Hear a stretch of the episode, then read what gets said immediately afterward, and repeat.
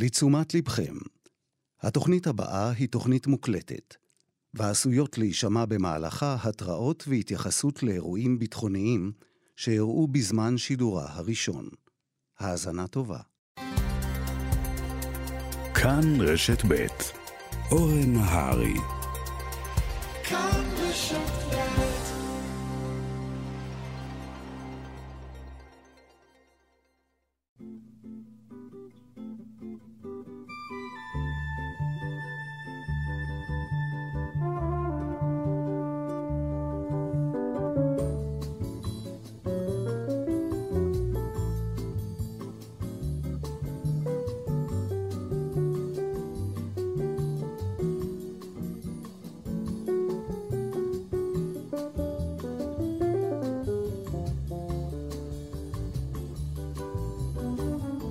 שבת שלום לכם, המאזינות והמאזינים, ברוכים הבאים לתוכניתנו, שעתיים מגוונות, מרתקות.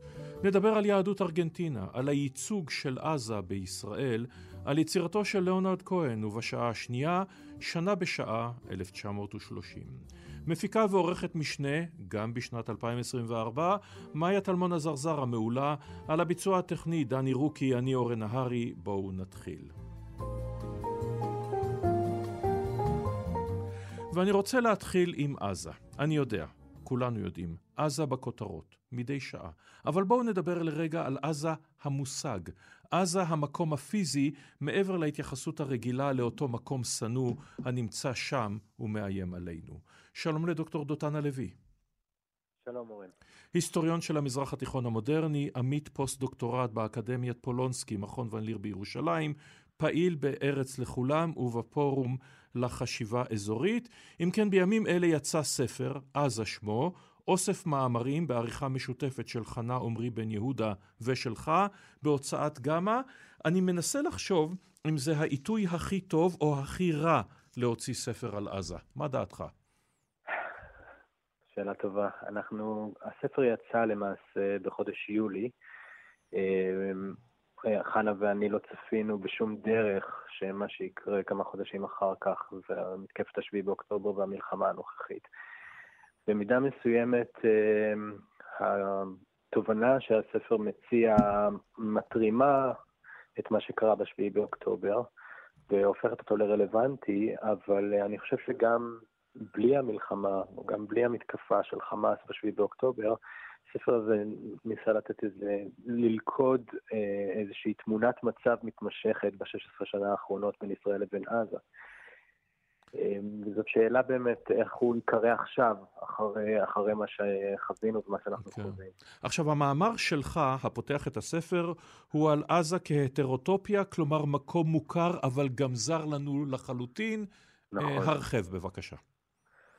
אנחנו, למעשה הספר כולו מנסה לטעון אה, שתי טענות, דרך המאמרים השונים ודרך הניתוחים השונים. האחת היא שלמעשה בתוך התרבות, הפוליטיקה, אפילו הכלכלה הישראלית, אנחנו מתעסקים בעזה הרבה, אבל אנחנו למעשה עוצמים את העיניים, וכשאנחנו מדברים על עזה, אנחנו מדברים על עזה שהיא כולה דימוי שקיים בתוך השיח הישראלי, אבל היא איננה עזה האמיתית, או עזה הקיימת באמת, שאותה כמעט ואיננו יכולים להשיג. אגב, את זה אפשר לטעון לגבי כל מדינה וכל מקום בעולם. אנחנו חושבים על פריז, או ניו יורק, או טוקיו, יש לנו דימויים, יש לנו סמלים, שראינו בסדרות, בסרטים, בדימוי. אתה צודק לחלוטין, וכאן בעצם נכנסת התובנה השנייה של הספר, והיא שלעומת כל המקומות הללו שאנחנו יכולים אולי להיות אורחים רגיעים בהם, או להכיר אותם רק מרחוק, עם עזה אנחנו למעשה נמצאים כל הזמן בקשר אינטימי ומאוד קרוב. ועזה למעשה, לאורך כל שנות הסכסוך, וביתר שאת ב-16 שנה האחרונות, היא מין פרויקט ישראלי שישראל מושקעת בו במשאבים, בכוח אדם, באדמיניסטרציה הצבאית וכולי וכולי, ויחד עם זאת, על אף הקרבה הזאת, אחד מהמאמרים בספר מכונה קרבה וריחוק, על אף קרבה מאוד גדולה, על אף שעזה נמצאת ממש פה, כמה קילומטרים מתל אביב, בכל זאת היא כמו מרחק שנות אור, וכל הדרך, שאנחנו, הדרך היחידה שאנחנו יכולים להגיע אליה היא באמצעות מערכת של דימויים. אז בעצם ה, ה, המשחק הזה שבין קרבה וריחוק זה בעצם מה שמאפיין את עזה בתוך השיח הישראלי. עכשיו, אתם מוסיפים גם מאמרים אה, של עזתים, אז על פי, וכמובן, יש שני מיליון איש, לא בהכרח המאמרים של אותה אקטיביסטית פלסטינית מ- אה, אה, יכולים לייצג את הכל, אבל איך העזתים רואים את המקום שהם חיים בו? אז זאת שאלה קשה לשאול בן אדם שהוא ישראלי, ומי שהגיע, גדל אל תוך, בוא נקרא לזה, בגרות אה, פוליטית ותודעתית ב... אמ, תחת התנאים של הסגר הישראלי על רצועת עזה או המצור הישראלי על רצועת עזה, מכיוון שגם לי אין בעצם גישה בלתי אמצעית לרצועת עזה. הקשר שלי עם אנשים בעזה הוא אמנם קיים, אבל הוא קשר בלתי רציף ומנותק, זאת אומרת שנקטע כל פעם בכל סבב או מלחמה כזאת בשנים האחרונות, וגם באופן אישי לי לא יצא להסתובב ברחובות של עזה ולדבר באופן ישיר עם אנשים בצורה חופשית, אז גם אני למעשה מרוחק בתוך ההקשר mm-hmm. הזה. אבל כשאני חושב על, ממה שאני קורא מכלי שני, מאיך שאנשים מתארים את עזה, ואולי זה משהו שהוא, אני חושב, קריטי להבנה שלנו בדיוק בימים האלה של המלחמה, זה שעבורם, כן, עזה היא מקום חי, אה, עשיר תרבותית, עם אופי מאוד ספציפי שנצרף בהרבה שנים של, אה, של, של נסיבות חיים מאוד קשות ומאבק. Mm-hmm. אולי ב, בדיוק בימים האלה שאני מסתובב בתוך, בתוך השיח רעיונות כאלה, כמו להגלות את כל הרצועה mm-hmm. של עזה, שאני לא מדבר על דברים חמורים יותר שנאמרים, יש לנו איזושהי מין תפיסה מלאכותית של מי שנמצא שם מעבר לגדר.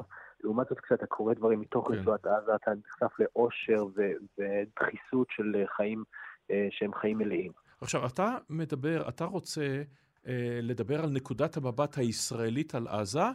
אני טיפה תמה שאין התייחסות לאחד הטקסטים המכוננים בישראל, הכוונה כמובן להספד של משה דיין על קברו של רועי רוטברג, אה, אה, שזה, יש התייחסות אליו ממש במילה, אבל לא, לא מוקדש לו מאמר למשל. מדוע?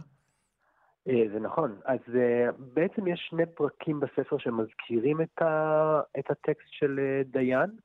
אמ, אנחנו, זאת אומרת, הטקסט הזה כבודו במקומו מונח, ואני חושב שהוא נותח לפני ולפנים בהרבה, כן. מאוד, בהרבה מאוד מקומות. אני יכול להזכיר היכן הוא נמצא אצלנו. Mm-hmm. אחד, ב, ב, הפעם הראשונה בטקסט של אה, אורי שין כהן, חוקר ספרות חשוב מאוניברסיטת תל אביב, שמדבר על עזה בשנות החמישים.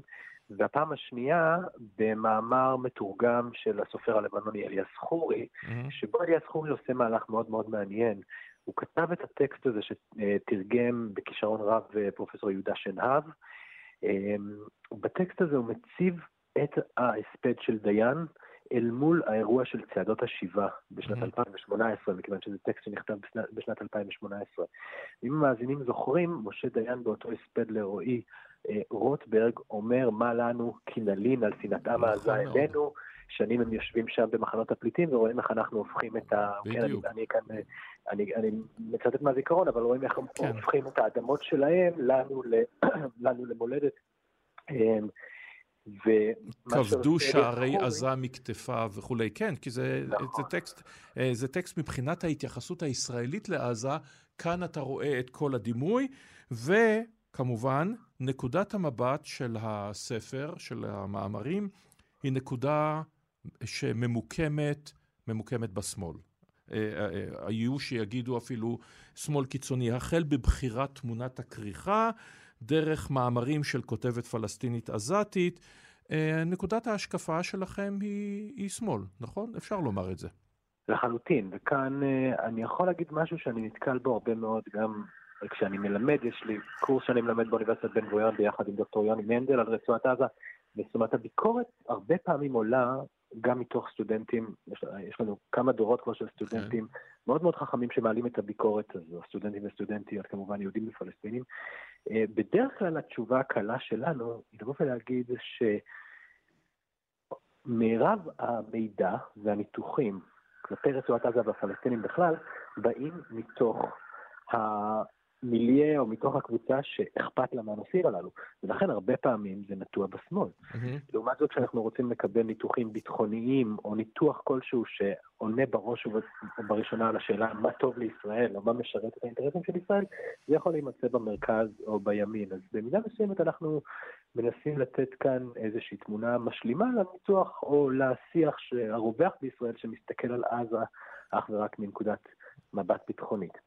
אני אגיד אבל בנוסף לזה שהספר גם מציע איזושהי ביקורת, אני חושב, להסתכלות השמאלית בישראל על עזה, מכיוון שהספר לא, אני חושב, לא מאדיר אה, את, ה, את, את הרחמנות או את התפיסה, או את, את התפיסה ההומנית יותר כלפי עזה בישראל, אלא גם מציע לה ביקורת ואומר שגם בתוך התפיסה הזאת יש איזשהו מימד של ריחוק. אני חושב שאולי הפרק שהכי מדגיש את זה בספר, זה הפרק על היצירה של רונית מטלון, כן. שנסעה היום, שבוע אחרי שבוע לעזה במהלך האינתיפאדה הראשונה, וסיקרה את עזה, לאחר מכן כתבה על עזה בכל מיני חלקים בספרים שלה, ברומנים שלה, ועדיין אה, המאמר הזה, מאמר מצוין אה, של, של מאיה ברזילי, מראה שעדיין בתוך הדבר הזה נשמר איזשהו סוג של ריחוק, איזשהו סוג של ספק. וישנה גם ביקורת עצמית של הכותבים העזתים והערבים על, על החברה שלהם, על התרבות שלהם, על, על, על משהו? בהחלט. אחד מה... זאת אומרת, אולי אחד מהנושאים המרכזיים בתוך uh, כתיבה uh, פלסטינית מתוך, שיוצאת מתוך עזה ב-16 שנה האחרונות, היא ביקורת אה, למשל כלפי חמאס. Mm-hmm. זה, זה, זה רווח מאוד, וזה רווח גם בשיח עכשיו תוך כדי המלחמה, למלחמה יש את הדינמיקה ברור, משלה. לא, השאלה אם, אם זה גם מופיע בספר.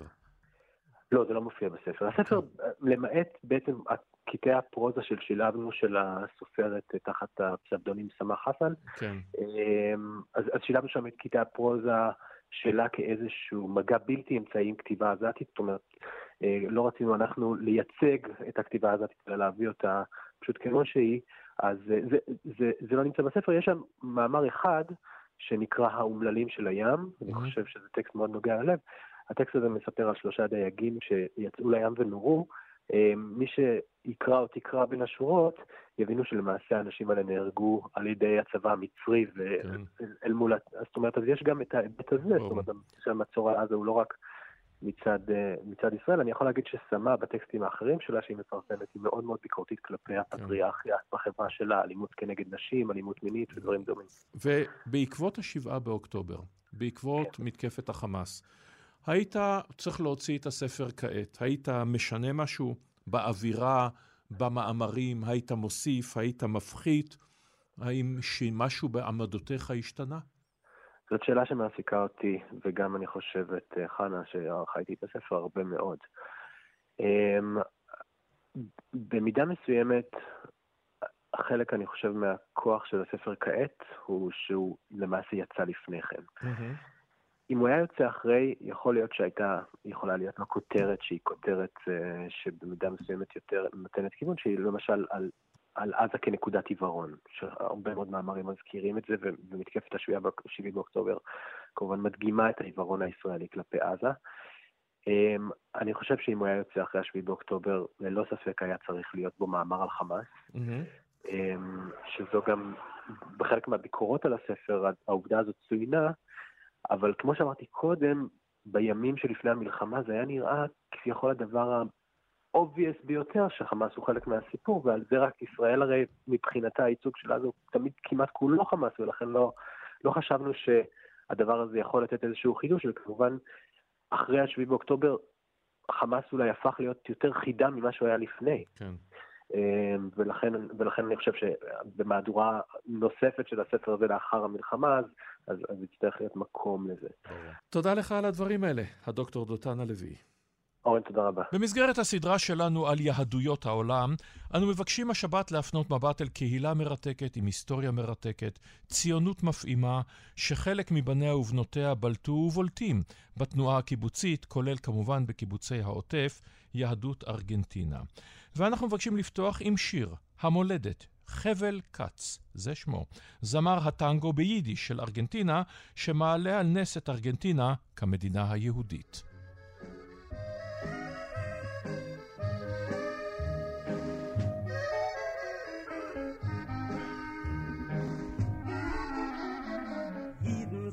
Freilich in a Masel dicke Show in a Winkel Argentine Moschiach is schon do dort is nit du kein Christen nur jeden klein und groß.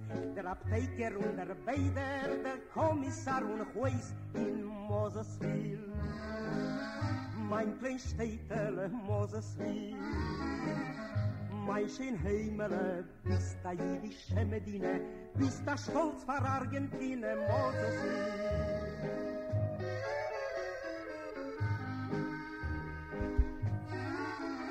In mitten Städtel steht a Plasse, Bäumer gor a Pracht, Spazieren dort die Ingwer, a jeden neu der Nacht.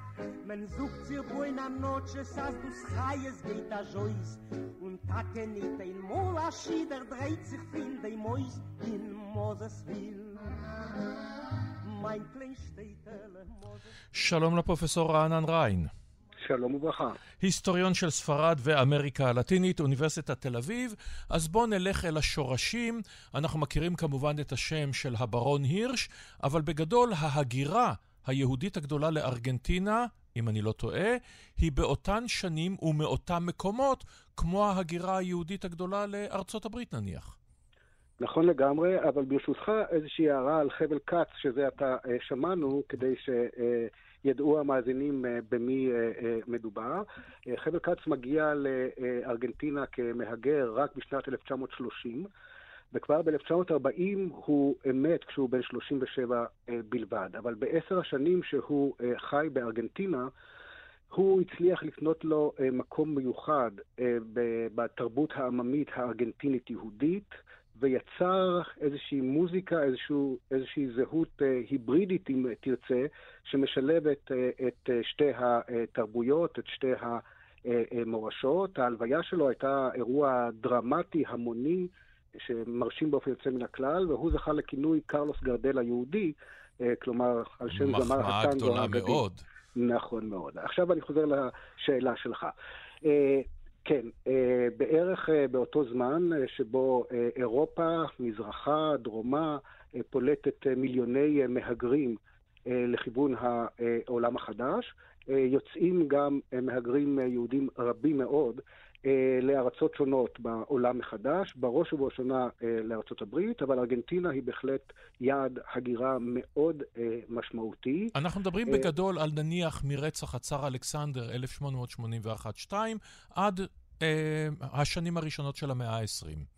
אנחנו יכולים למתוח את זה אפילו אה, עד למשבר הכלכלי של כן. תחילת אה, שנות ה-30. אה, כן, אה, ציינת נקודת אה, התחלה אה, חשובה מאוד. אה, 1905, אה, המהפכה הכושלת אה, ברוסיה, גם היא מביאה להגירה יהודית גדולה, בין השאר לארגנטינה. ואחר כך כמובן אה, אה, מלחמת העולם הראשונה והתקופה שבין המלחמות. בארגנטינה, בניגוד לכמה מקומות אחרים, אה, באמריקה הלטינית, אי אפשר לדבר על איזושהי נוכחות של יהודים, יהודים אה, מומרים, קונברסוס, אנוסים וכולי בתקופה הקולוניאלית, ולכן אנחנו מדברים על קהילה שהיא בסך הכל חדשה, בעיקר משנות ה-80 המאוחרות של המאה ה-19 ואילך. עכשיו, הם מגיעים לארץ שהיא ארץ אה, קתולית. אה, האנשים הנמצאים שם אה, ספרדים ואיטלקים במידה רבה מאוד, אה, ארץ עם, עם גאוות יחידה לא בלתי מוצדקת, ארץ עשירה. אבל הם שונים, הקהילה הזאת מקבלת מאפיינים שונים משל הקהילות, משל הקהילה אחותה הגדולה בארצות הברית. למה זה בעצם? נכון. ראשית, המהגרים היהודים שהגיעו ממזרח אירופה לארה"ב, יש להם כבר איזה שהן רשתות אה, חברתיות ורשתות של אה, תמיכה להיאחז בהן. יש הגירה מוקדמת יותר ממרכז אירופה, בעיקר מגרמניה, אה, של יהודים, שלא מעט מהם התעשרו מאוד והתבססו בארצות הברית. כאשר היהודים- והתנשאו מאוד על אחיהם האוסט-יהודה האלה. זה נכון מאוד, ובכל זאת, אה, להם, זה כן. לא היה אותו מצב כמו בארגנטינה, שהיהודים שמגיעים ממזרח אירופה בשנות ה-90 של המאה ה-19, בשנים הראשונות של המאה ה-20, הם, הם הראשונים, הם במרכאות החלוצים אה, שמגיעים למדינה הזו, שהיא באמת אה, נראית, לפחות לרבים מהם, אה, בתחילה אקזוטית, אה, שונה מאוד, אה, ודאי מכל מה שהם הכירו במזרח אירופה. זו מדינה קתולית כן, אבל מדינה שכבר אה, עשתה איזשהו מהלך להפרדה מסוימת בין דת למדינה, ושמעוניינת מאוד לקלוט מהגרים, משום שהטריטוריה היא מאוד גדולה, האוכלוסייה במאה ה-19 היא מאוד קטנה, ולכן יש מדיניות מכוונת של הממשלה לעודד הגירה אירופית. וכמה אנטישמיות הם נתקלים? כי אנחנו יודעים שבארצות הברית, מהקו קלוקס קלן, ולימים הכומר קופלין, וכמובן הנרי פורד, תהיה אנטישמיות לכל אורך בעצם שגשוגה של יהדות ארצות הברית. אז בארגנטינה מה המצב? אה, תראה, קל מאוד לעשות אוסף של ציטוטים אנטישמיים מפי, מפי אה, אה, דוברים שונים לאורך המחצית הראשונה של המאה ה-20. וגם המשכה, כמובן. וגם המשכה, נכון מאוד. עם זאת, אני רוצה לטעון שבמקרה של ארגנטינה, הפער בין ה... public discourse, בין כן. השיח הציבורי לבין המציאות החברתית, היה uh, גדול במיוחד, ויהודים הצליחו להתערות באופן uh, מעורר השתאות בחברה הארגנטינית בתוך זמן uh, קצר מאוד uh, uh, יחסית. הם מגיעים רובם חסרי קול, צריכים לעסוק ב, ב, בעבודות שונות כרוכלים, כ, כחייטים וכולי, אבל בתוך דור אחד אתה רואה אה, אה, עלייה משמעותית שלהם במדרג החברתי והשתלבות בכל תחומי החיים. ברור. עכשיו, מיד אנחנו נתקדם. אני גם רוצה, כיוון שהזכרת את ארה"ב, אני רוצה להדגיש, בשנות ה-30, ה-40, יותר קל ליהודי אה, אה, ללמוד באוניברסיטת בואנוס איירס מאשר ללמוד בהרווארד. כן, ודאי חשובה. לקבל קתדרה באוניברסיטת בואנוס איירס מאשר לקבל קתדרה באחת מאוניברסיטאות ה-Ivy League בארצות הברית. מיד אנחנו נגיע לשנים החשובות והקריטיות של אחרי מלחמת העולם השנייה, כאשר הכל מתחיל להתמוסס עם הפירוניזם, החונטה הצבאית וכולי, אבל עוד מילה לגבי הימים הראשונים, לאפיזודה כמעט לא מוכרת. ארגון צבי מגדל. אנחנו שמענו לא מעט על המאפיונרים האמריקנים, היהודים המפורסמים, לנסקי וסיגל ו- ורבים אחרים, מיקי כהן, אה, והשיתופי הפעולה שלהם, הנמשכים והבולטות שלהם. ארגון צבי מגדל היה ארגון פשע מזעזע לחלוטין, שסחרו ב- ב- בנשים ונערות בנות אמן אה, לזנות והביאו אותם, וזה קורע את הקהילה עצמה.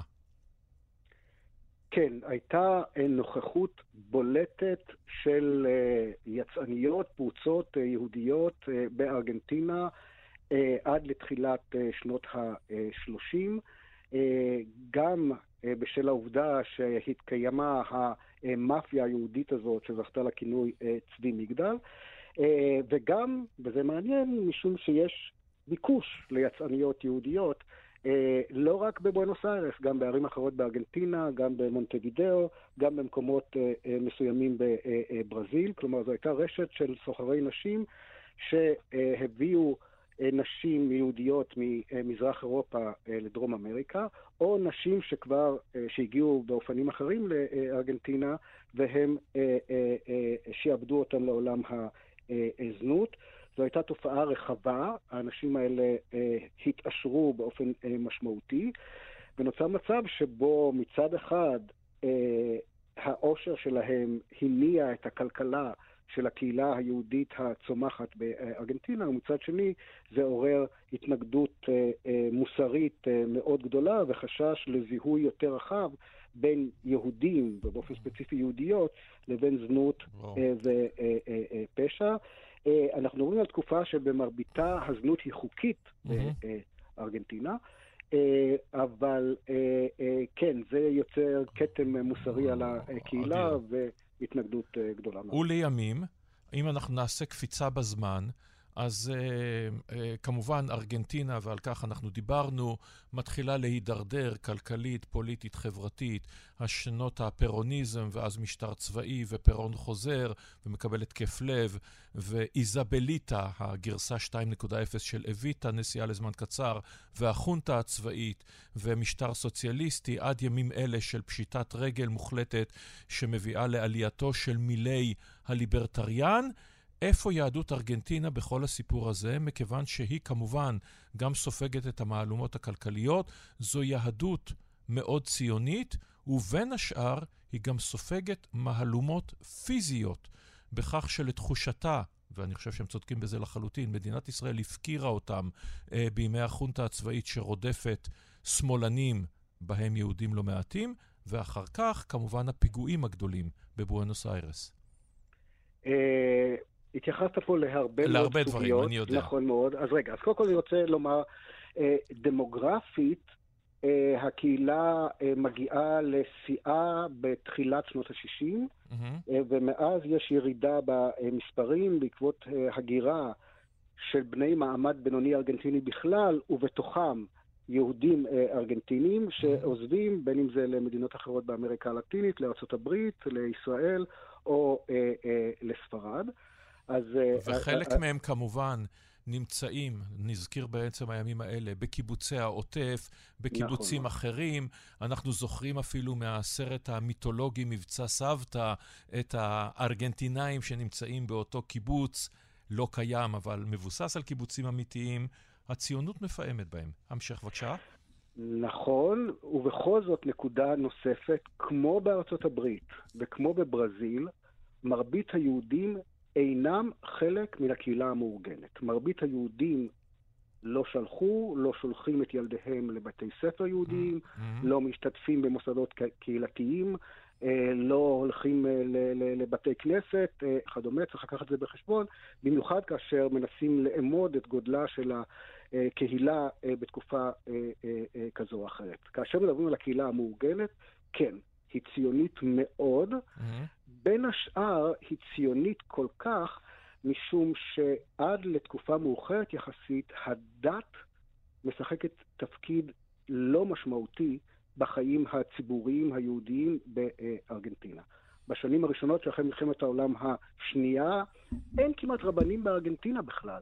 אה, הזהות של היהודים כיהודים היא בעיקר זהות אה, תרבותית, והציונות ממלאת איזשהו חלל שההתרחקות מן הדת אה, יוצרת. כל התופעות של אה, חב"ד וכולי שאנחנו רואים, אלה תופעות של השנים האחרונות כן. אה, ממש. הצלחת הציונות היא בחלקה תוצאה של ההתרחקות מהדת בקרב יהודי ארגנטינה.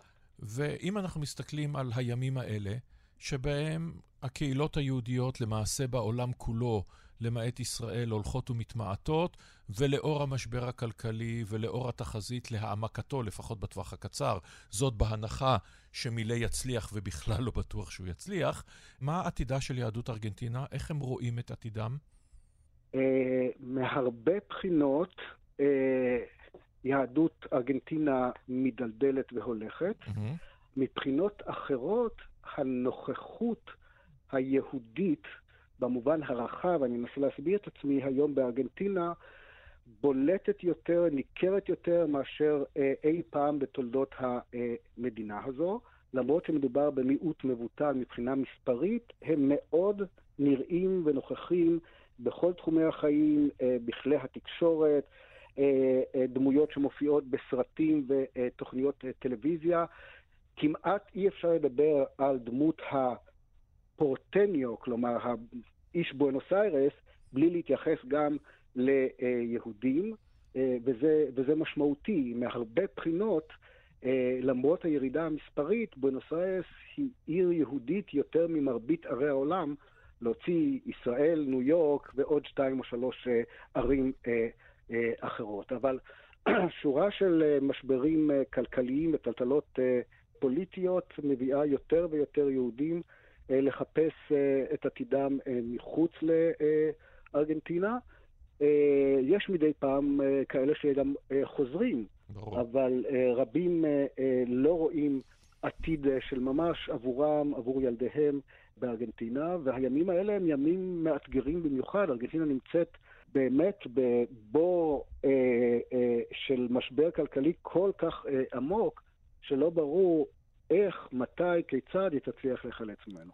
ואם נעשה רגע את המעבר אל ישראל, שכמו שאמרנו, חלק גדול, אה, או חלק משמעותי, מהארגנטינאים עלו לישראל, וזה עוד בשנים אפילו לפני קום המדינה, והיו בין מייסדי קיבוצים ובערים ובמקומות אחרים, אז אה, איכשהו כקהילה נראה שהם לא הותירו חותם בחיים הישראליים, בתרבות, בפוליטיקה, כמו קהילות אחרות. באותו סדר גודל אני מדבר. זה נכון. אני הייתי אומר שבמידה מסוימת אה, הם קורבן של ההצלחה שלהם בישראל. Mm-hmm. בשעה שהיו קבוצות מהגרים שנזקקו יותר לארגונים קהילתיים, לפעמים, כמו במקרה של יוצאי ברית המועצות לשעבר, במפלגה פוליטית אחת או יותר משל עצמם, לא היו ריכוזים אה, משמעותיים של אה, יוצאי ארגנטינה, הם היו מפוזרים אה, בכל מקום, קיבוצים, מושבים, ערים, מראש הנקרה ועד אילת. וההתערות שלהם, ההשתלבות שלהם הייתה מהירה. הם בסך הכל לא נתקלו בסטריאוטיפים שליליים מצד הקבוצות היותר ותיקות. שכבר התגוררו כאן. אה, ולכן היה להם פחות צורך להדגיש את אה, מאפייניהם הנבדלים, השונים, אה, ביחס לצברים או למהגרים מגלים קודמים של הגירה לישראל. אז כך דווקא ההצלחה גרמה לקהילה כקהילה להיות בלתי נראית במידה רבה, אבל תרומתם לתחומים שונים של החיים הכלכליים, התרבותיים, האקדמיים בישראל, אה, הייתה ועדיין אה, עצומה ממש. לחלוטין. תודה רבה לך על הדברים המרתקים האלה, הפרופסור רענן ריין. תודה לך. וכעת לאחד היוצרים האהובים, המוערכים, לא רק בישראל, בעולם כולו, הקנדי היהודי ליאונרד כהן, ואי אפשר להתחיל ישר בשיחה, הנה אחד השירים הנפלאים שלו.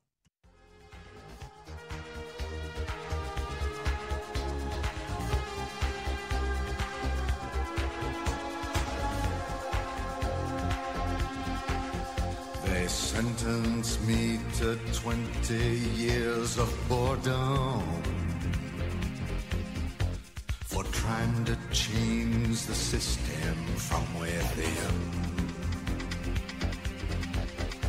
I'm coming now, I'm coming to reward them. First, we take Manhattan Then we take Berlin.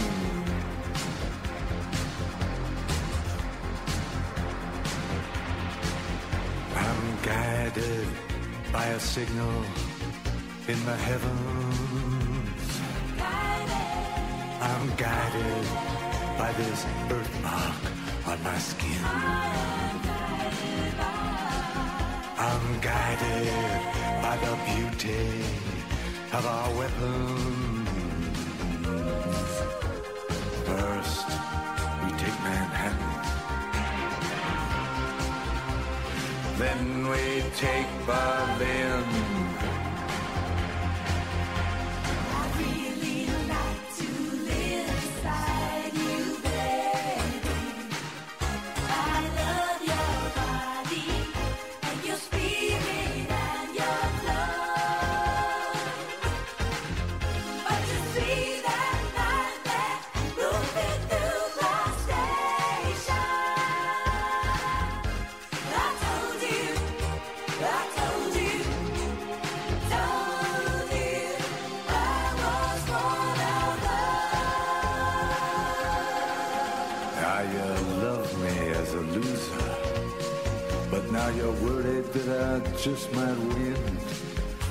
Know the way to stop me. But you don't have the discipline.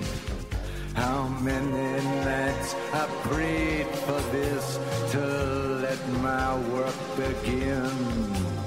First, we take Manhattan.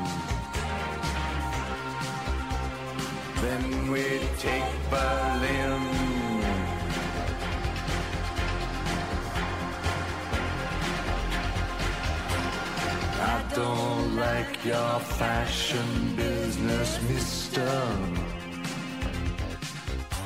And I don't like these drugs that keep you thin. I don't like what happened to my sister. First, we take Manhattan. Then we take Berlin.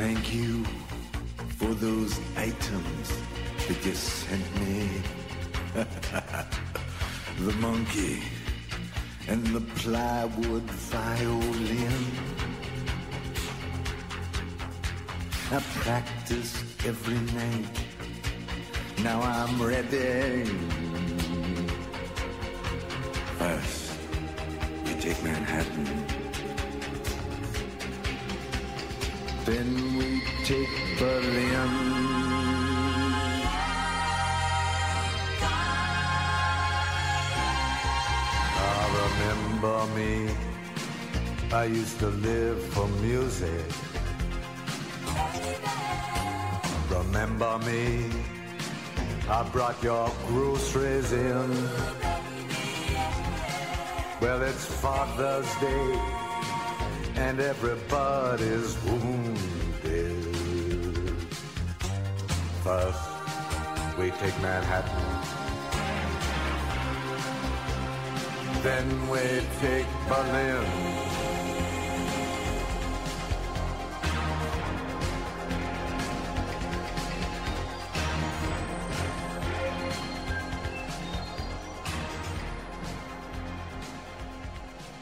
אני מצטט: תמיד אני עובד על משהו בלי לקרוא לו אומנות. קורא את מרקס, אורב לישו, מדיכאון יוצא מרות. האש שלי כמעט דועכת, ניצוץ גובע, מהבהב. לך ספר לו למשיח על מה שקורה ללב. שלום לאסף גברון. שלום. סופר, מתרגם. אם כן, בימים אלה יצא לאור הספר הלהבה בהוצאת כנרת זמור הביטן דביר, ובו אנחנו רואים עד כמה ליאונרד כהן, אמנם בראש ובראשונה כמובן מוכר לנו כיוצר שירה, זמר, טרובדור, אבל לא רק, יוצר בי שלל תחומים. יש כאן uh, בספר אה, את השירים, זאת אומרת, שירי הפזמונים, השירים שהוא הקליט, יש גם שירים שהם יותר שירה, שזה יותר פואטרי, מה שנקרא באנגלית. אה, יש גם איורים שהוא אייר, הוא אייר המון איורים, אה, רובם פורטרטים עצמיים, חלקם די מצחיקים. יש גם עוד כל מיני סוגים של טקסטים, אפשר לקרוא לזה. עכשיו, הספר הזה זה בעצם הפרידה של ליאונרד כהן, אלה החומרים האחרונים שלו, שהוא בוחר אותם, אה, ובנו בעצם ממשיך את זה, אדם כהן. זו, זו הבחירה שלו איך להיפרד מהעולם. אה, נכון, הייתי אומר נכון חלקית, כי הוא התחיל לעבוד על הספר הזה ולאסוף את החומרים בידיעה שזאת הפרידה. זאת אומרת, mm-hmm. בדיוק כמו שאמרת, זו דרכו להיפרד, הוא אסף שירים אה, שהוא כתב ולא פורסמו עדיין, אה, שירים שהוא כתב ממש בתקופה האחרונה, אה, שירים מהאלבומים האחרונים, אותם פזמונים, אבל הוא מת לפני שהוא סיים את העבודה על הספר, ומי שבעצם סיים זה הבן שלו ואורחים בהוצאות הספרים באנגלית.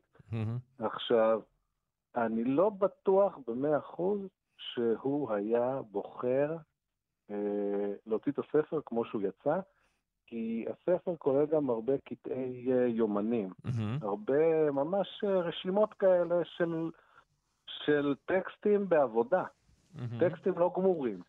שזה, כשאתה סופר בעצמך, אה, ואני ממליץ מאוד על ספריך, ו, וזה אחד הדברים הכי מרתקים, לקבל את הטקסטים בעבודה, נכון, במיוחד של מעניין. יוצר ענק. נכון, זה נותן הצצה לאיך שהראש שלו עובד, איך שהתהליך אה, קורה, אבל זה עדיין הטקסטים שהוא חתם עליהם. אני מסכים איתך, זאת אומרת, יש פה, יש פה עניין, ויש גם שם דברים מאוד יפים. Mm-hmm. אבל יש שם גם דברים שהם אה, נראים אה, חצי מבושלים, וכי, כי זה מה שהם. הם, הם, הם מבושלים, הם בדרך. אז אה, מה שאתה רומז בעצם זה שניסו, לי, לי, אתה יודע, לסחוט עוד כמה טיפות מהלימון הזה, כשהם יודעים שהשם ליאונרד כהן הוא פשוט מרתק, ועל כן אנשים יבואו ויקראו בעצם כל דבר שהוא כתב?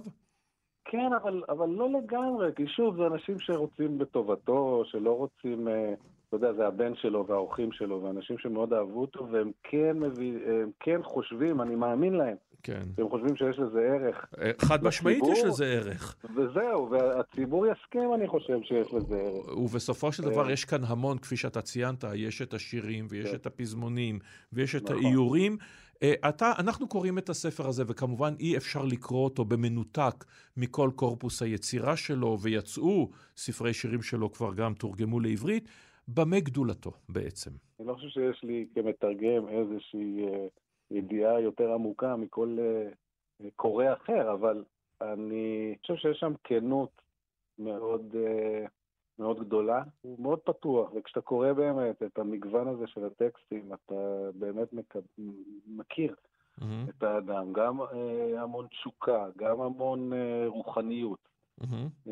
גם אמונה, גם אה, זהות אה, שבנויה מכל מיני חלקים. גם החלק היהודי, כמובן שיהיה mm-hmm. קוראים ישראלים, וחלקים אחרים, וגם על היצירה ועל ההצלחה. אני למדתי, אתה יודע, כמתרגם אתה קורא שוב ושוב, וכותב אותו, ונותן לו עברית, אני בסופה של, בסופו של התהליך חיבבתי אותו מאוד, אפילו יותר מאיך שהכרתי אותו לפני, לפני זה כ, כקורא ומאזין אה, רגיל. הזכרת את הנושא היהדות, שאנחנו כמובן זוכרים איך במלחמת יום הכיפורים הוא מגיע להופעות, אגב, אז הוא עדיין לא ליאונרד כהן, כפי שהוא יהפוך להיות לימים. אה, זה מופיע בספר הזה? ישנה התייחסות ליהדותו? לא ליום כיפור, אבל... לא, לא, לא, אבל, ליהדותו, אבל, ל, כן. לזהותו.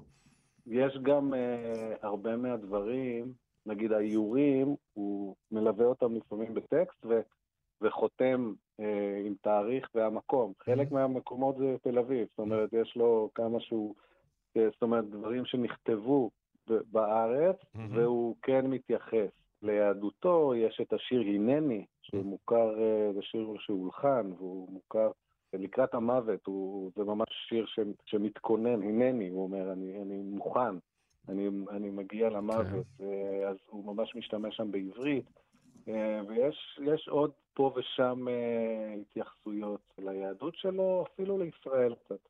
עכשיו, אחד הדברים המדהימים עם אלונת כהן זה שאנחנו רגילים לחשוב על, על זמרים, על מבצעים, על, גם על כותבים, אתה יודע, כעל אדם צעיר. בדרך כלל, כן, ישנם הרולינג סטונס ואחרים. ליאונרד כהן הפך לאיקונה בינלאומית רק בשלב מאוד מאוד מאוחר. נכון. בשנות ה-90, או אפילו אחרי, mm-hmm. בעשור האחרון לחייו הוא יצא למסע הופעות שפשוט מילא אצטדיונים והופיע בפני קהלים הרבה יותר גדולים ממה שהוא הכיר לפני זה, גם במוזיקה וגם הספרים והשירה. ונכון, הוא זכה לעדנה מאוחרת. באופן יחסי. מאוד אני, אני, אם אתה מבקש ממני להסביר את זה, אני, אני לא חושב שאני יודע. וההשוואה מתבקשת לבן דורו, בוב דילן, שני טרובדורים יהודיים, שניים שהם, אפשר להגדיר אותם כטרובדורים, כשנסונרים, כזמרים, פזמונאים, כותבי שירה, יוצרים, מבצעים. בוב דילן, כן. מקבל פרסום אדיר ונהיה בעצם קולו של דור מבחינה מסוימת, עוד נכון. בשנות, התש... בשנות ה-60, ולונרד כן. כהן, בן דורו, אה, בעצם יהפוך לקול, קול שונה אה, בשנות ה-90. יש פה איזה, איזה הנגדה מעניינת, וכמובן בוב דילן יקבל פרס נובל לשלום וכולי וכולי, ולאונרד כהן יכתוב המנון, גם בוב דילן יכתוב המנונים אה, מסוגים נכון. שונים. ההמנון שלו כמובן הללויה. אתה רואה איזושהי הקבלה ביניהם? אתה חושב שיהיו עוד אחרים כמותם, או שעולם התרבות והבידור של היום כבר לא יהיה בו מקום לאנשים כאלה? אני חושב שכן, אני לא יודע אם יהודים. זה ששניהם יהודים זה, זה אולי מקרי, אבל אה, אני מניח שכל דור אה, מצמיח את החכמים והמצליחים שהולכים ונהיים זקני השבט כאלה, ודילן באמת, השיא שלו אולי היה בשנות ה-60 וה-70, הוא עדיין mm-hmm. מאוד פופולרי וזוכה לקהלים ועובד עדיין ומוציא דברים mm-hmm. בשנות ה-80 לחייו. אבל באמת ליאונרד כהן נהיה בזקנתו אפילו יותר גדול. Mm-hmm. זה מעניין כי גם uh, באחד השירים בספר, mm-hmm. uh, ליאונרד כהן מזכיר אותו, אני, אני, זה לא מולי עכשיו, אבל אני אצטט כזה באופן uh, רופף. Mm-hmm. הוא אומר משהו כמו, כולנו גנבנו, משהו כמו שכל היוצרים גונבים אחד מהשני, אבל דילן הוא הבנק. Mm-hmm. דילן הוא הבנק שממנו יוצא כל, כל הכסף ששודדים, שכולם שודדים. זאת הייתה מחווה יפה כזאת אה, מאחד לשני. תודה לך על הדברים האלה. אסף גברון, נקריא עוד שיר, אין זמן לשנות. אין זמן לשנות את המבט לאחור, מאוחר מדי לכך, ספר שלי טהור. מאוחר מדי לגרום לגברים להתבייש על מה שהם עושים עם ערומי האש. מאוחר מדי ליפול על חרבי, אין לי חרב, זו שנת 2005. חצוף שכמוני. מה אכפת מה יש לי בצלחת, הו ספר טהור, מאוחר מדי באת. החמצת את כל העניין בשירה בחיי, היא כולה עליהם, לא עליי. איזשהו שיר עם צניעות של אחד הכותבים הידועים ביותר בעולם. אז שוב המלצה על הספר הלהבה בהוצאת כנרת זמור הביטן דביר, מתרגם אסף גברון, וניפרד עם עוד שיר מיתולוגי של ליאונרד כהן.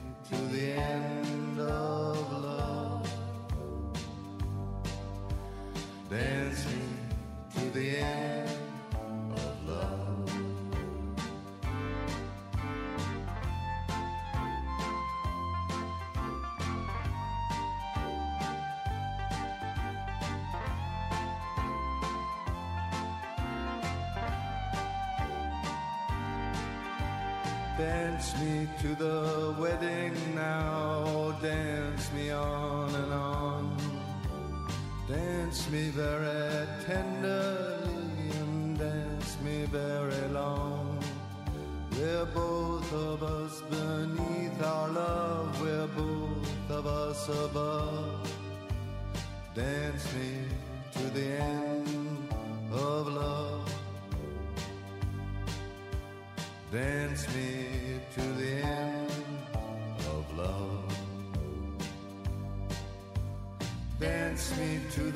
Children who are asking to be born.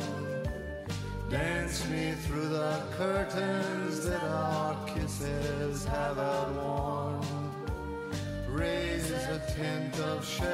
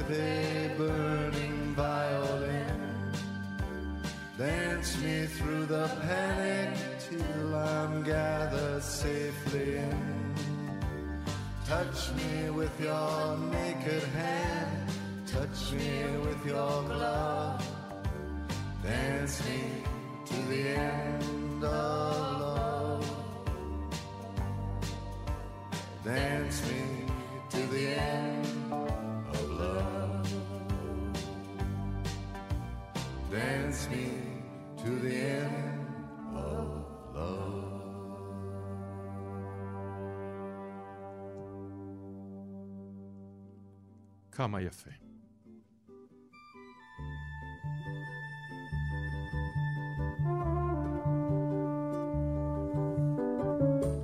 ועד כאן השעה הראשונה בתוכניתנו. תודה רבה לכם, המאזינות והמאזינים שהייתם עמנו. מפיקה ועורכת משנה מאיה טלמון עזרזר, על הביצוע הטכני דני רוקי. אני אורן נהרי, נתראה אחרי חדשות השעה אחת.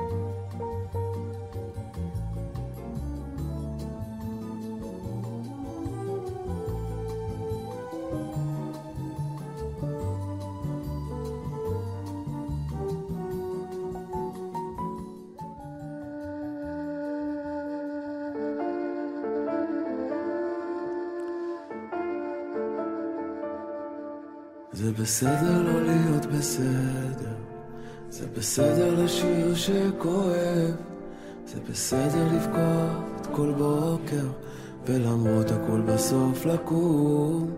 זה בסדר לא להיות נורמלי, זה בסדר לא לומר מילה, זה בסדר לקוד עד הבוקר, בחושך מלא תקווה.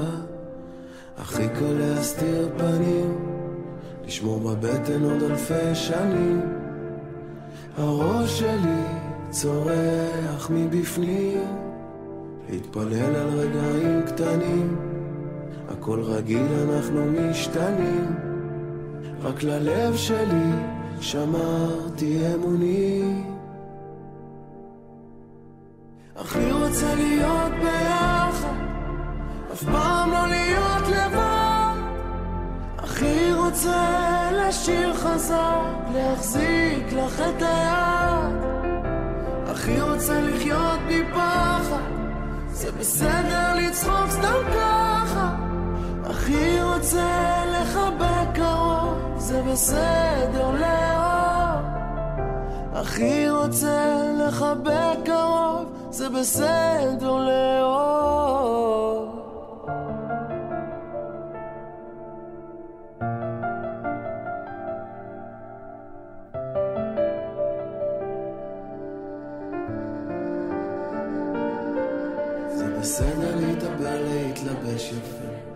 בסדר לאבד כיוון. החיים הולכים קדימה, אז מי אני שלא אמשיך? זה בסדר לא למצוא את התשובה, זה בסדר להתפלל לאמונה, זה בסדר לשאול אלף שאלות אם להיות או לא להיות. הכי קל להסתיר פנים, לשמור בבטן עוד אלפי שנים. הראש שלי צורח מבפנים. הכי רוצה להיות ביחד, אף פעם לא להיות לבד. הכי רוצה לשיר חזק, להחזיק לך את היד. הכי רוצה לחיות מפחד, זה בסדר לצחוק סתם ככה. הכי רוצה לחבק קרוב, זה בסדר לאהוב, הכי רוצה להיות ביחד, אף פעם לא להיות לבד, רוצה לשיר חזר, להחזיק לך את היד, הכי רוצה לחיות זה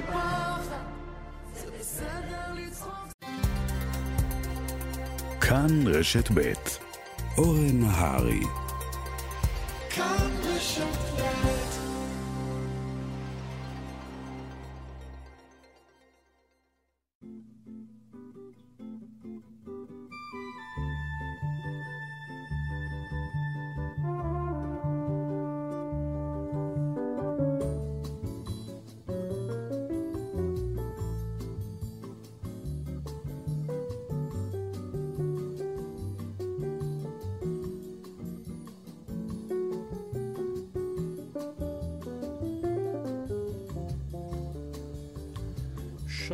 לכם, המאזינות והמאזינים, ברוכים הבאים או ברוכים השבים אל תוכניתנו. מאיה טלמון עזרזר, מפיקה ועורכת משנה, יוראי פיקר על הביצוע הטכני, אני אורן נהרי, ובשעה השנייה, כתמיד, שנה בשעה, 1930.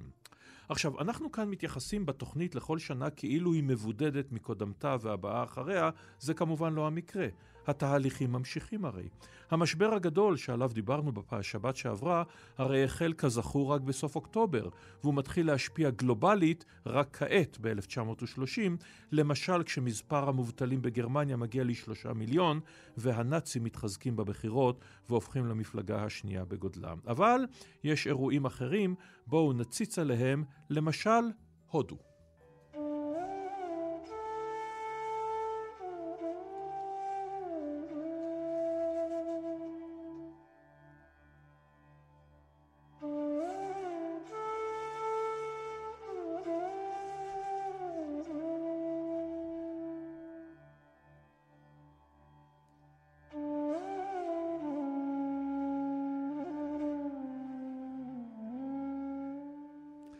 כן, ב-12 במרץ 1930 יוצא מוהנדס קרמצ'אד גנדי למחאה, מצעד המלח.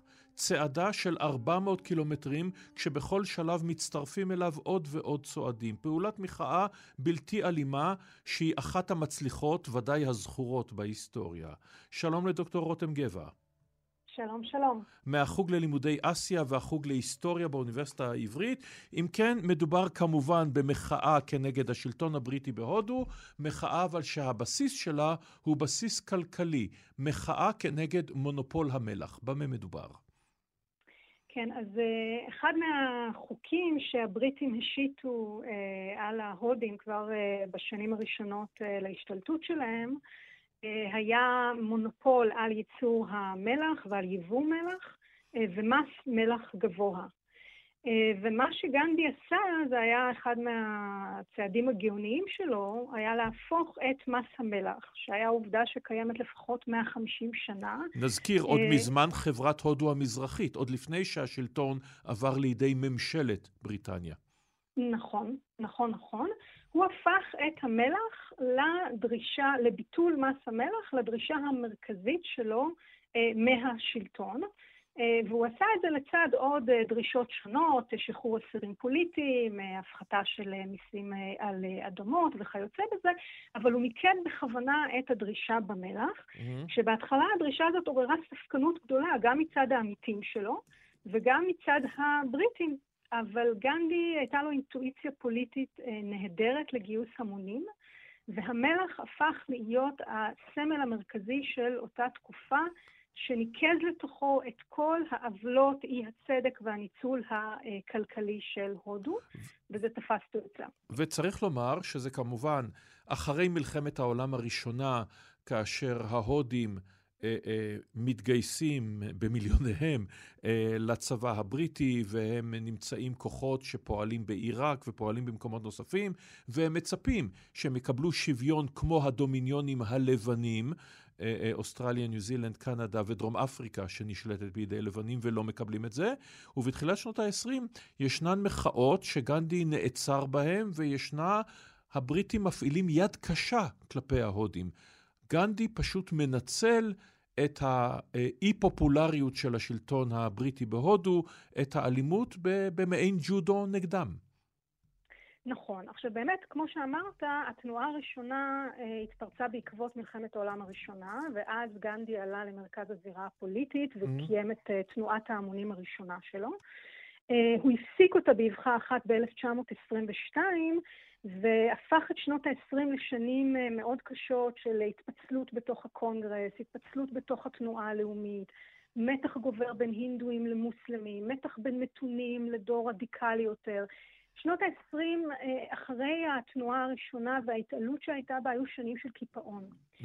ולקראת סוף השנים האלה, כשהקיפאון הזה מאוד מורגש, והמשא ומתן עם השלטון הבריטי מחדש על אה, קבלת סטטוס של דומיניון נתקע, גנדי הופך את המלח ואת הקמפיין אה, כזרז שיחזיר בחזרה את הדינמיות, את המרץ, את התנופה, אה, ואז באמת מתחוללת אה, התנועה הגנדיאנית השנייה, התנועה של 1930, ומצליח להוציא את התנועה הלאומית הזאת מהקיפאון שלה.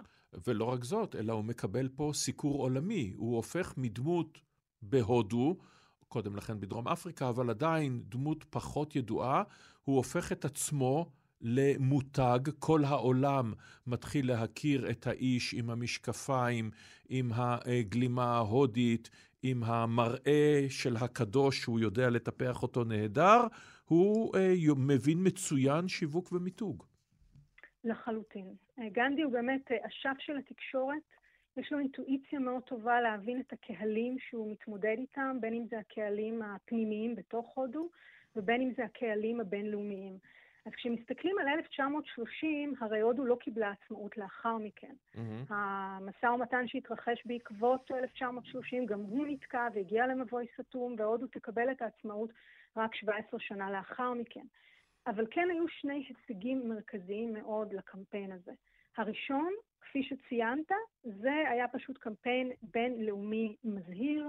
היו uh, עיתונאים, כתבים אמריקאים, אירופאים, הודים, שסיקרו את המסע הזה, הוא הופיע על uh, שערי העיתונים, uh, הוא הוכרז כאיש השנה של הטיים מגזין ב-1930. Uh, באמת הצליח למקד את תשומת הלב הבינלאומית בדרישה ההודית ובאי הצדק uh, של השליטה הקולוניאלית. וההישג השני היה הגיוס של ההמונים בתוך הודו. זאת אומרת, צריך לזכור, הודו היא מדינה ענקית, מגוונת, מחולקת לקסטות, לקהילות דתיות, לקהילות לשוניות, למעמדות, וגנדי היה האיש שהצליח דרך הקמפיינים האלה להפוך אותם לעם אחד.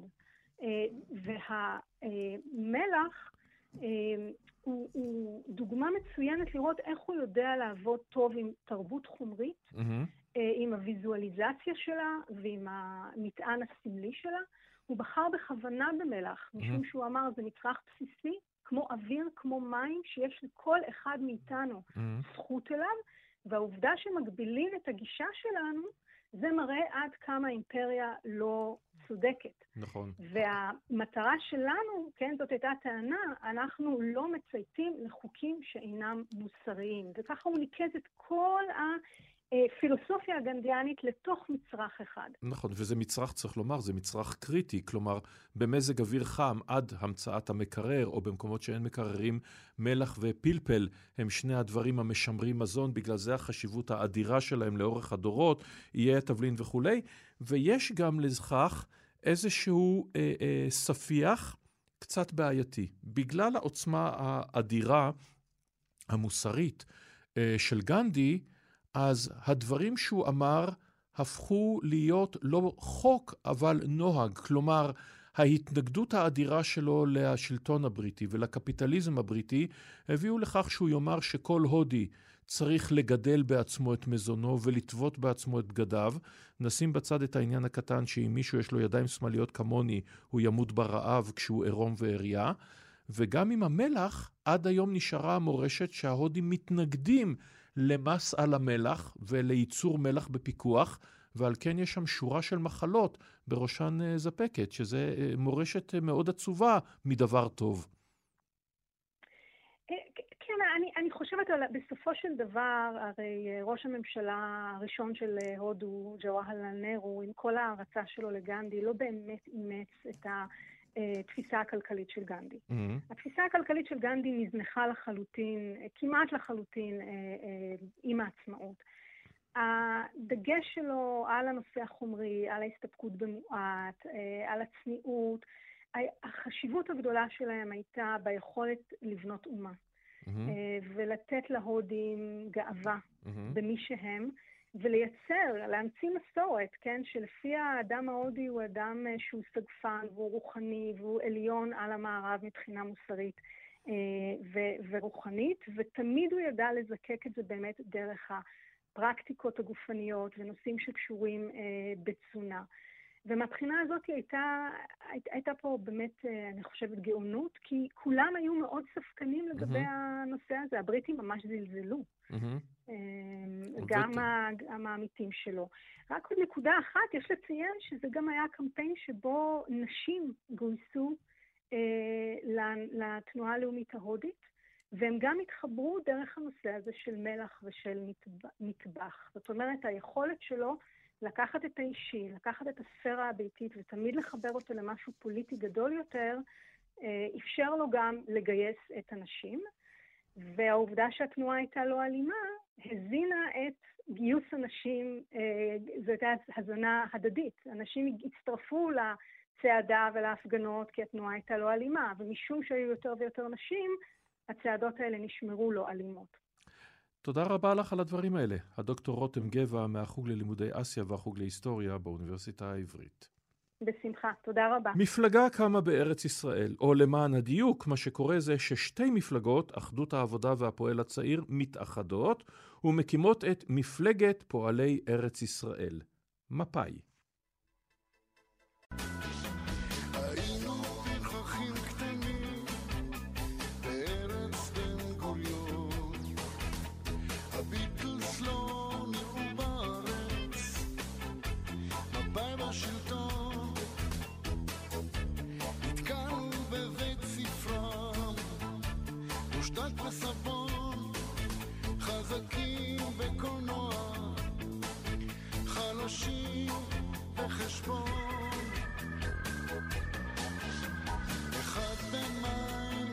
איש הפועל מחוץ לאצטדיון נתפסנו מעשנים סיגריון אל על וסילון הזרקנו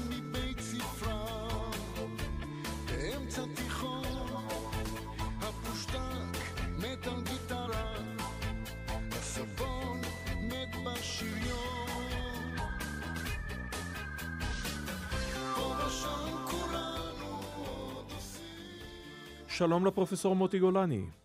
שלום, שלום. ראש המכון לחקר הציונות וישראל על שם ויצמן באוניברסיטת תל אביב. אם כן, מפלגת מפא"י קמה, עצם השם יהפוך לימים למשל ושנינה, נדבר על כך, אבל בזמן אמת, ב-1930, מה חשיבותה?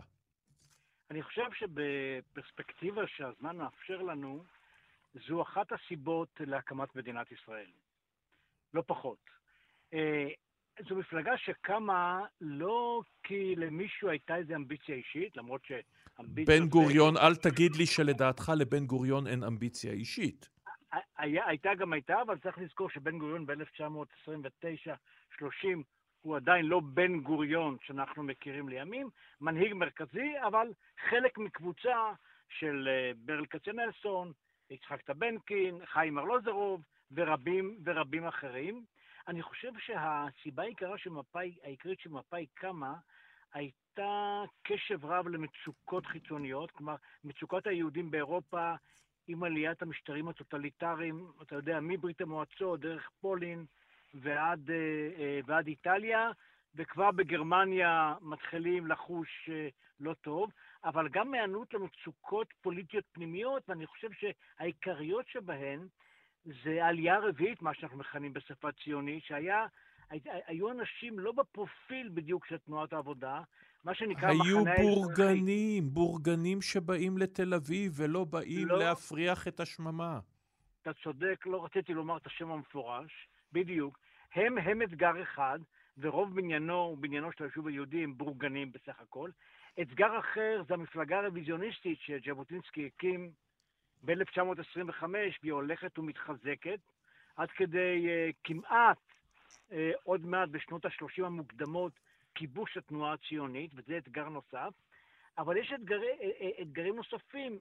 הבריטים, לא ברור לאן הם הולכים, אמנם הלייבור תופס את השלטון בבריטניה, תופס, זוכה בבחירות ביוני 29, כלומר מפלגה אחות, אבל הבריטים מתחילים לגמגם בנושא הצהרת בלפור, לא ברור לאן הם הולכים, והיו כמובן שתי סיבות מיידיות, mm-hmm. וזה ההתפרצות הערבית האלימה בקיץ 29, מאורעות mm-hmm. תרפ"ט בפינו, וההתמוטטות הכלכלית העולמית באוקטובר 1929. למעשה, המפלגה קמה פורמלית בינואר 1930, mm-hmm.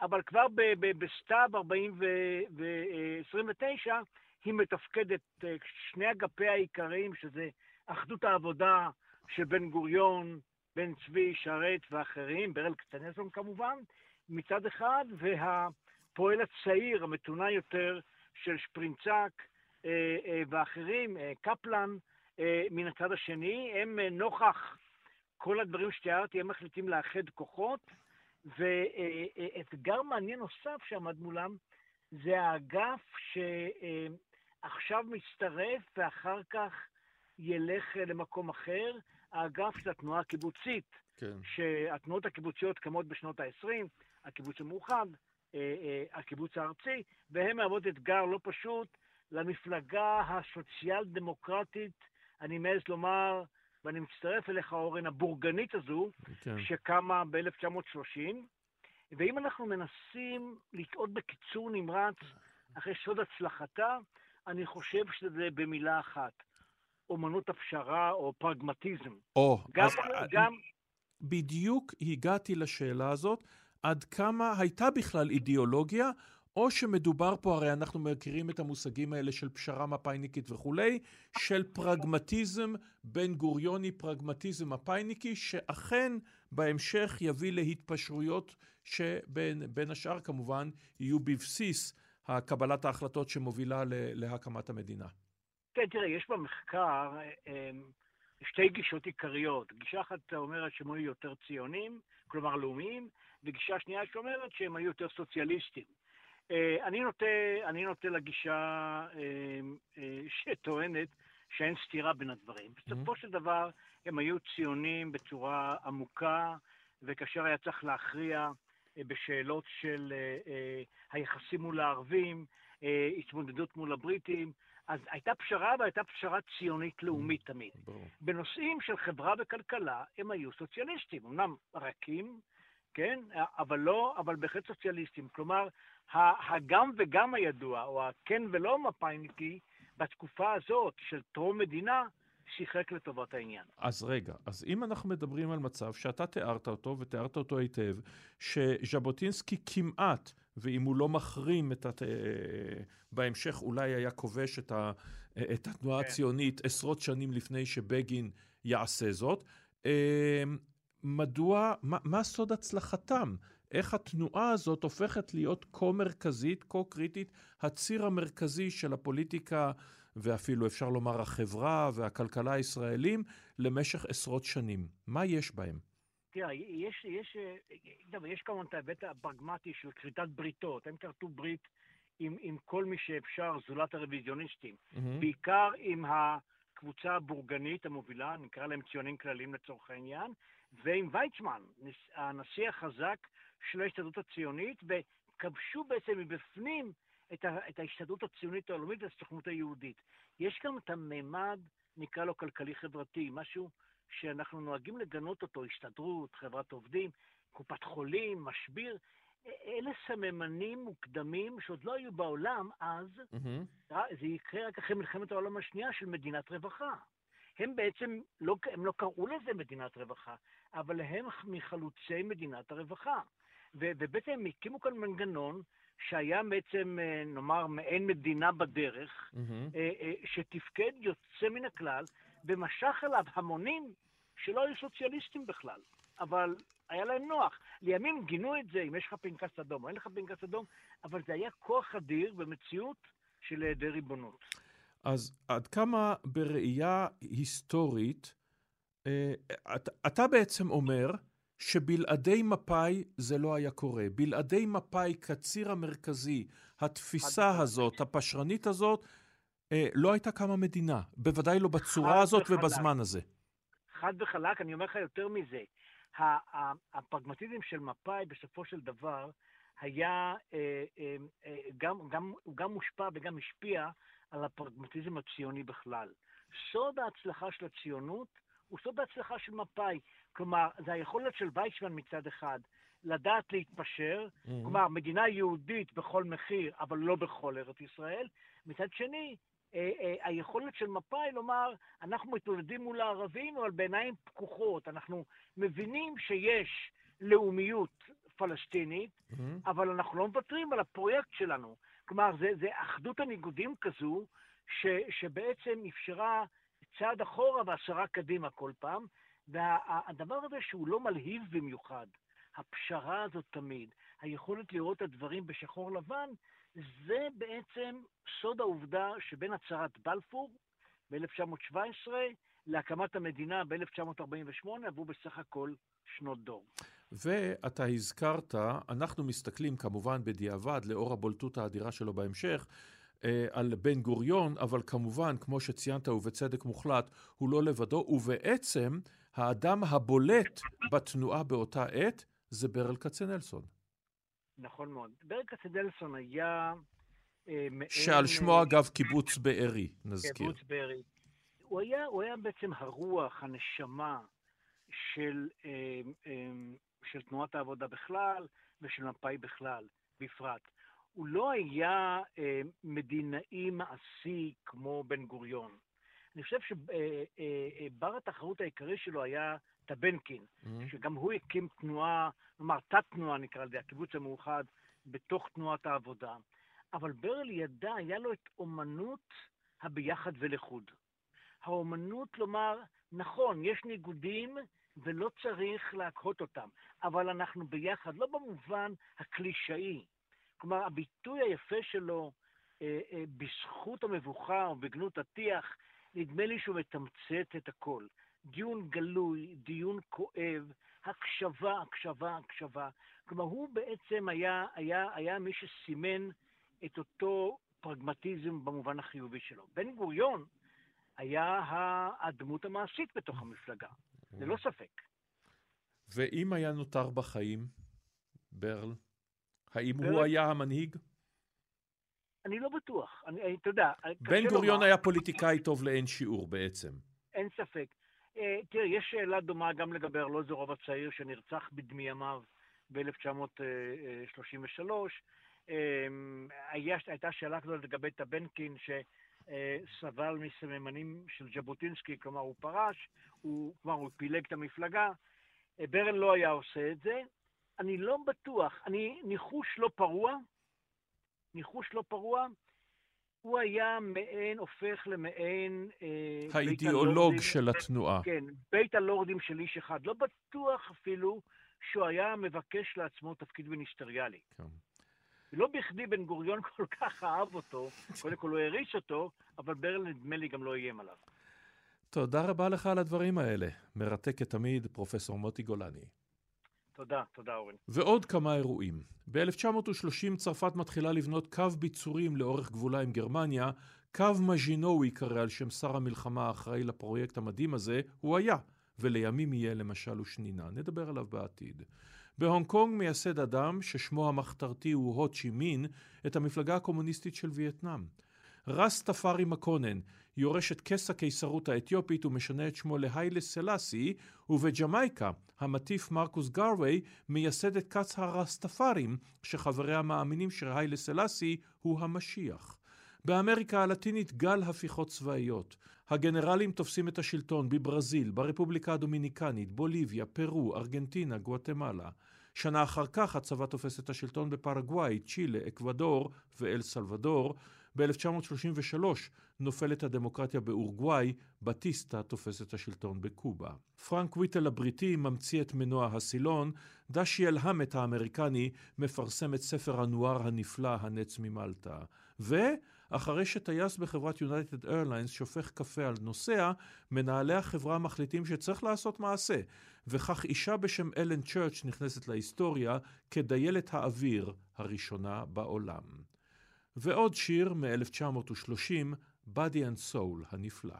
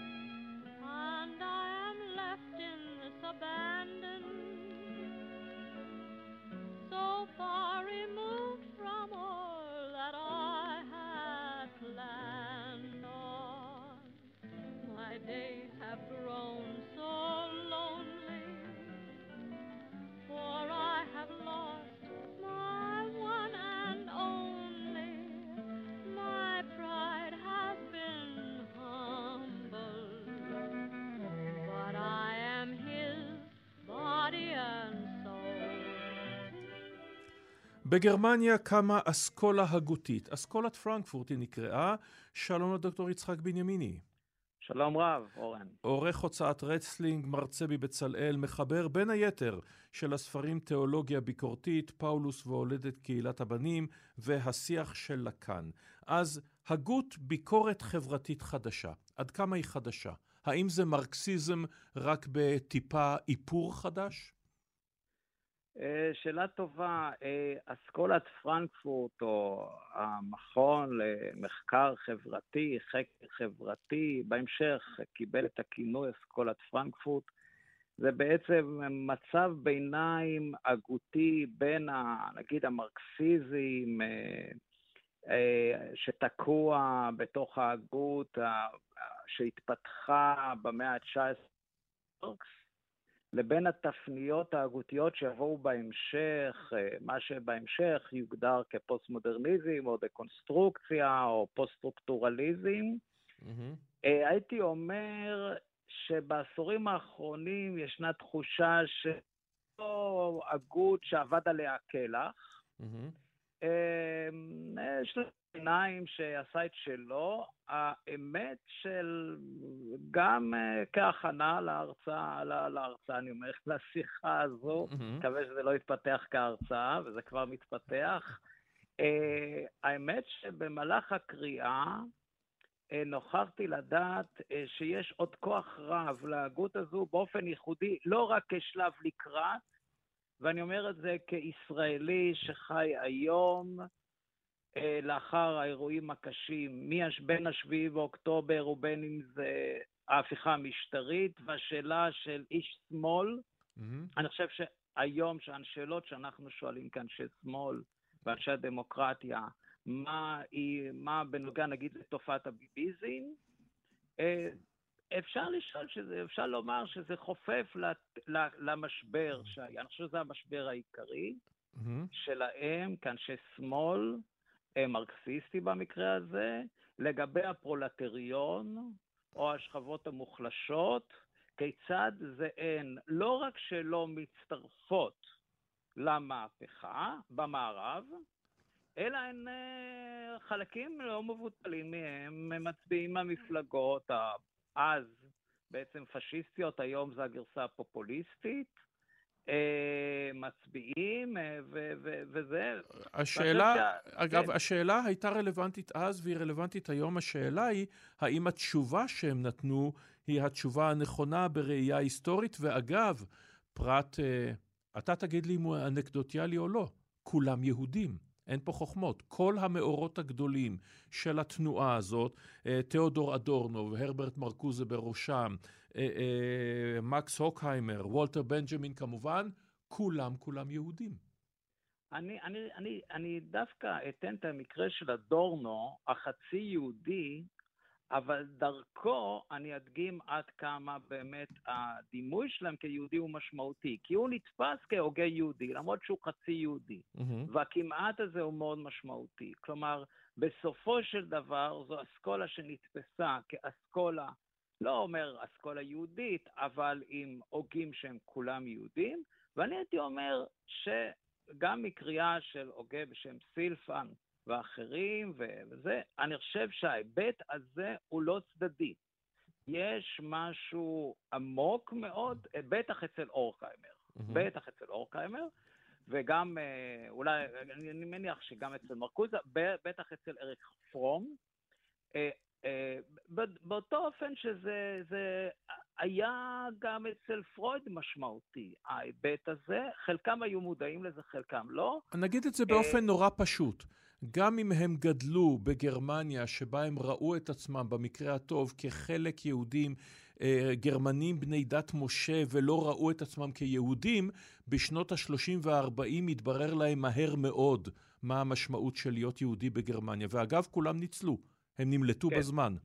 הם נמלטו בזמן, כי, אה, טוב, אז זהו, שהזכירו להם טוב מאוד שהם יהודים, זה שכבה שלמה של יהודים, גרמנים, אה, פריבילגים היום נכנה אותם, אה, בני עשירים, כמעט כולם, ממה שאני הבנתי, מהמייסדים של אסכולת אה, פרנקפורט, של המכון, גם אגב מי שמימן את כל זה, אה, בן של תעשיין יהודי בשם וייל, mm-hmm. הם כולם יהודים, אה, וזה אצלם כולם נבע מתוך משבר אישי של שכבה שלמה של אה, קהילה יהודית שחיה בתוך משבר זהות מאוד מאוד קשה.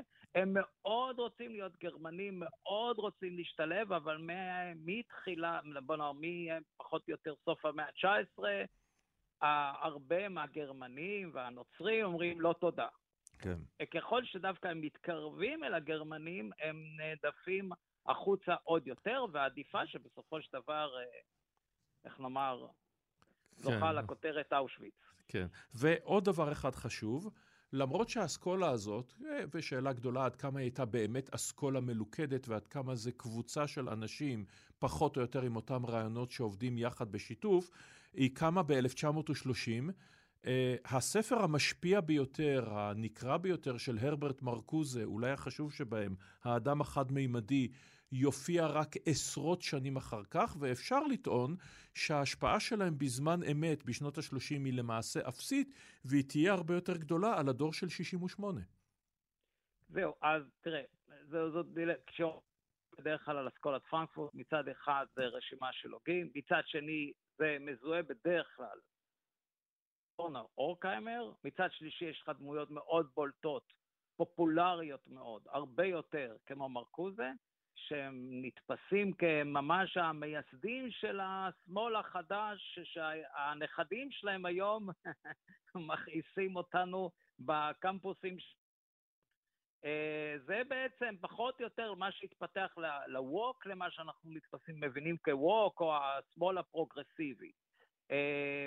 שאולי תרצה נגיד את זה שהאדם החד-ממדי, קצת אירונית עבורנו היום, כי אולי השמאל הפרוגרסיבי שנולד מזה הוא חד-ממדי, כי זה, זה שמאל בעצם שהוא מתפתח בדיוק באותה פלטפורמה בידורית אה, אה, שמרקוזה הבחין, כן? ש, שיצרה איזה סובייקט כזה שיודע רק לדקלם סיסמאות. ואת זה זיהה, מה לעשות, את זה זיהה אדורנו, והוא לא התלהב מה, מהמהומות של 68 של אותם צעירים, בעוד שמרקוזה כן... אה, אה, טוב, זה בכלל סיפור שלם.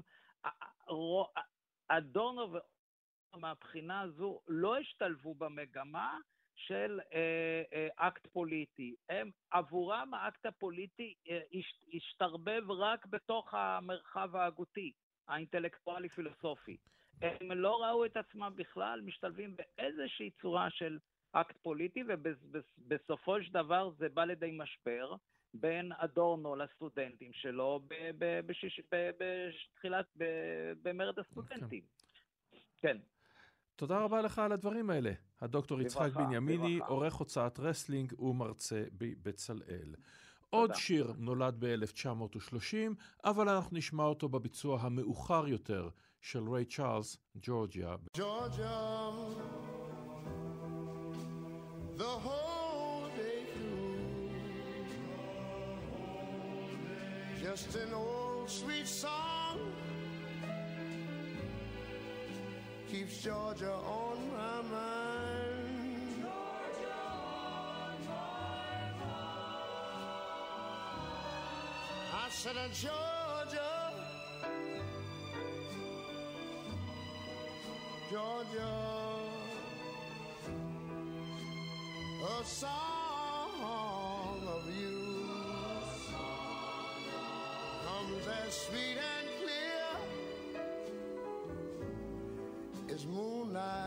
through the pine. זה ברמת הפשע לעצור ככה שיר של ריי צ'ארלס, אבל פנינו אל אורוגוואי, שם מתקיימת אליפות העולם הראשונה בכדורגל, הנה השיר הרשמי של האליפות.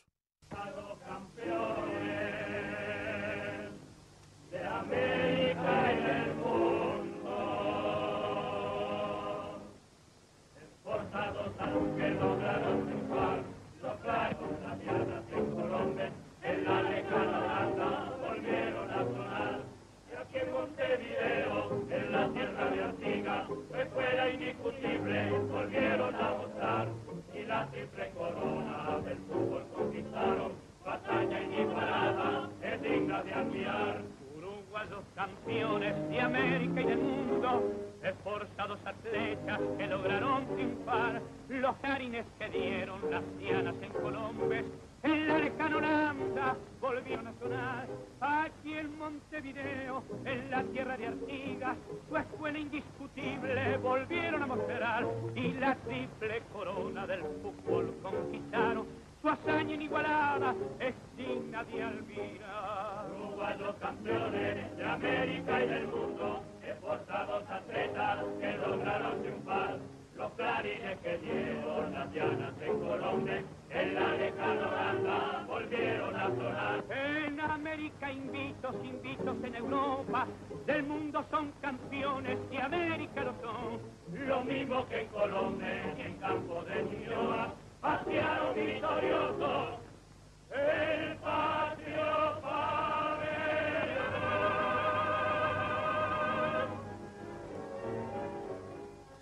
שלום לשרון דוידוביץ'. שלום שלום אורן, מה שלומך? מצוין, מצוין. ברוח הזמנים, מקווה שאתה בטוב. שדר ספורט, איש ספורט, מחבר הספר פלאי מונדיאל, אתה האיש לדבר איתו. אז ראשית, למה אורוגוואי? מכל המדינות שבעולם. תראה, אני יכול לבוא ולומר לך שזה בגלל האהבה הגדולה שלה לכדורגל, שהיא נכונה. או לבוא ולומר לך שזה בגלל שהיא הרגישה שהיא מחויבת, כי היא הייתה אלופת העולם לא בפועל, בגלל שהיא זכתה ב... גם באולימפיאדת 24 וגם באולימפיאדת 28 בענף הכדורגל. אבל האמת היא שבגלל שהיא היחידה שרצתה, היא היחידה שהייתה מוכנה ללכת עד הסוף, אה, בכל מה שכרוך באירוח של אה, טורניר שכזה כלל עולמי, היא היחידה שהסכימה לארח. אה, והיא ידעה מה היא עושה, היא נכנסה להיסטוריה, וכמובן, יתרון האירוח, איך נאמר, עמד לה. כן, כן. תראה, אמ, זה יהיה מאוד מאוד אה, מצחיק או אירוני לראות שבעוד שנתיים, במונדיאל שיהיה בארצות הברית וקנדה ומקסיקו, יהיו 48 נבחרות, ונזכור ש-96 שנה לפני כן, היו, ניסו להרים טורניר של 16 נבחרות, ופשוט לא הצליחו. אה, מאירופה לא רצו לבוא. צרפת הגיע כי נשיא פיפ"א ז'יל רימה אמר אתם חייבים, אז הוא בא. הסגן שלו היה בלגי, אז הבלגים באו. היוגוסלבים והרומנים, השליטים שם הבטיחו לנבחרת שאל תדאגו, אנחנו נסדר, נסדר לכם עבודה שתבואו. אז הנבחרות החזקות בעולם לא ממש הגיעו, בטח לא מאירופה, Mm-hmm. כדי, כי קשה היה לעבור את המסע הזה בין כמעט שלושה חודשים בספינה קונטה ורדה שלקחה אותם אה, מאירופה ליבשת דרום אמריקה. ושם... מה גם, לא- מה גם שיש עלויות, ואנחנו בתקופת המשבר הגדול, נכון. זה לא פשוט. לא פשוט, וכדורגלנים שם לא מקצוענים, כל מי שנסע אה, חשש שמא הוא יאבד את מקום העבודה שלו. זאת אומרת, נגיד ברומניה, המלך קארול, הוא הבטיח לכולם, אל תדאגו, אני אשמור לכם על מקום עבודה כשתחזרו, אבל בתמורה הוא אמר, אוקיי, אבל אני בוחר את, ה, את הסגל לנבחרת. זאת אומרת, זו הייתה התערבות פוליטית ראשונה, אם תרצה, בענף הכדורגל. כן. אה, מזל שלא ראינו כאלה מאז ועד היום, באמת מזל.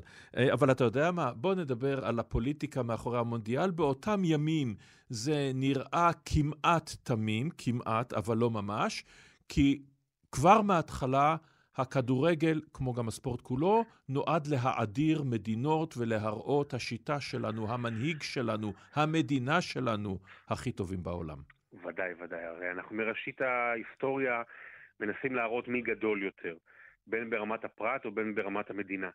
והאמת היא שגם בכדורגל ניסו עוד מימים ימימה ליצור גם אה, מפגשים וטורנירים בינלאומיים. למעשה המפגש הבינלאומי הראשון היה ב-1872 בין אנגליה לסקוטלנד, זה נגמר ב-0-0. ואז היו כל מיני ניסיונות להרים טורניר בינלאומי גדול של כדורגל, וזה לא כל כך הצליח, לא, לא ברמה הטובה.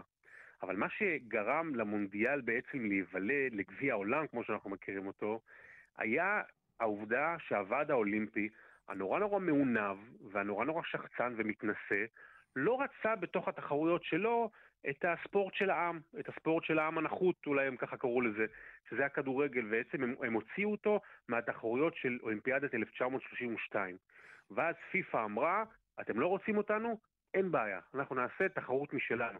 וב-1928 בוועד, העולים, בוועד של פיפ"א בישיבה באמסטרדם קבעו, יהיה מונדיאל, והוא יהיה שלנו, ואנחנו נראה לכולם כמה כדורגל זה דבר נהדר, והמדינות יתחרו ביניהם מי הטובה בעולם. הצליחו, אין שום ספק, וכמובן, אה, האמת היא, זה לא כל כך משנה, כי גם אם זה היה במקום באורוגוואי, נניח בצרפת, הייתי שואל אותך את אותה שאלה, זה גם תחילת המאבק המתמשך בין אירופה לאמריקה הלטינית, מי טוב יותר. לגמרי, לגמרי. אז אירופה הגיעה בחוסרים, אבל צריך גם להגיד, הטורניר הזה היה פרטאץ', זאת אומרת, הוא היה פרטאץ' לא נורמלי. האצטדיון המרכזי, הרי אורוגוואי וגם אחרי זה מדינות דרום אמריקה שניסו לארח, באו להראות, רגע, רגע, אנחנו גם חלק מהעולם הגדול, אנחנו גם כמו אירופה. הם לא כל כך הצליחו באורוגוואי. Mm-hmm. האצטדיון המרכזי במונטווידאו, הסנטנריו שהוקם לכבוד 100 שנה לאורוגוואי, אה, הוא לא, לא הוקם בזמן. אז בכלל המשחקים הראשונים היו באצטדיונים קטנים של 3,000-4,000 צופים, שהייתה שם מקלחת אחת. אחרי זה גם הסידור של המשחקים היה בלאגן אחד גדול. בגמר למשל, שנערך בין אורוגוואי לארגנטינה, אה, המשחק החל באיחור כי היו, היו פקקים בים, הגיעו מארגנטינה בסירות, אה, בסירות אה, דואר והתעכבו בנמל. היה שופטים שלא רצו לשפוט כי הם חששו לחייהם. הם לא החליטו איזה כדור ישחקו איתו, אז עשו כזה דיל. במחצית הראשונה שיחקו עם הכדור של הארגנטינאים, המחצית הסתיימה ב-2-1 לארגנטינה, המחצית השנייה הייתה עם כדור של אורוגוואים, המשחק הסתיים ב-4-2 לאורוגוואי, וזכייה בגביע העולם הראשון לנבחרת המארחת לאורוגוואי. תודה רבה לך על הסיפורים המרתקים האלה. שרון דוידוביץ', שדר ספורט. מחבר פלאי מונדיאל המומלץ, ועוד נשוב ונשוחח על כדורגל לא מעט במהלך השנים האלה שעוד יהיו לנו עד, אה, ככל שיהיו לנו שנים בתוכנית הזאת לעבור את כל המאה ה-20 ותחילת המאה ה-21. תודה.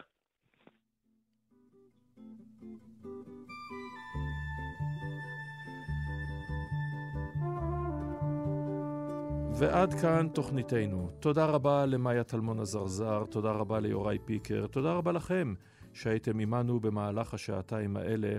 אני אורן נהרי, אנחנו נתראה בשבת הבאה, באותו זמן, להתראות.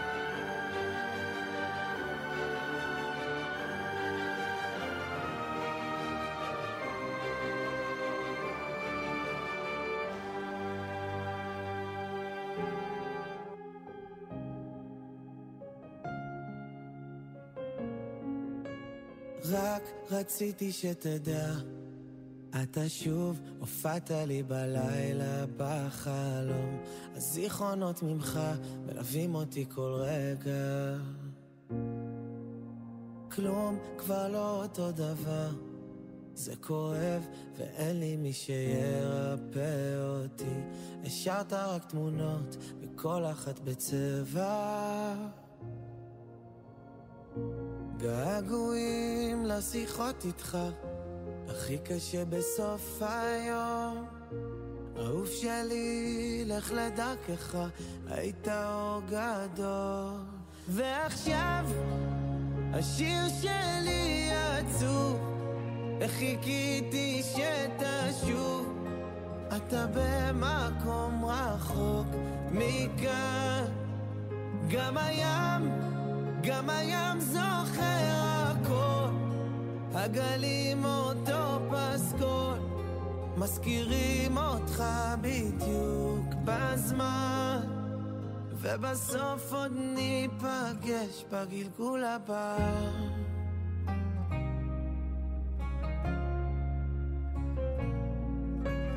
רק רציתי שתשמע כמה טוב השארת אחריך איך כולם אומרים עליך שהיית מנצח.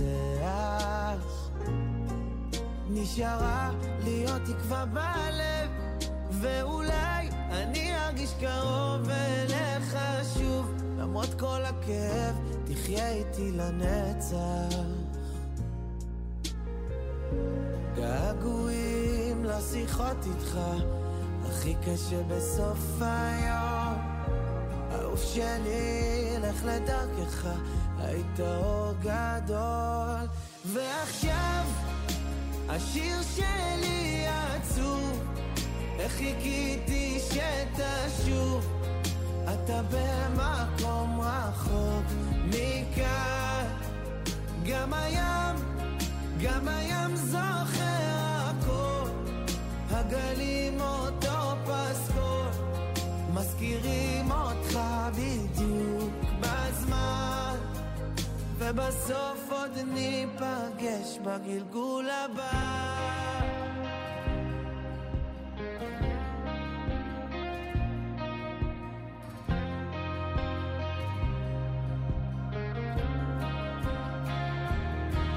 ועכשיו השיר שלי עצוב, איך חיכיתי שתשוב, אתה במקום רחוק מכאן. גם הים, גם הים זוכר הכל, הגלים אותו פסקול, מזכירים אותך בדיוק בזמן. ובסוף עוד ניפגש בגלגול הבא.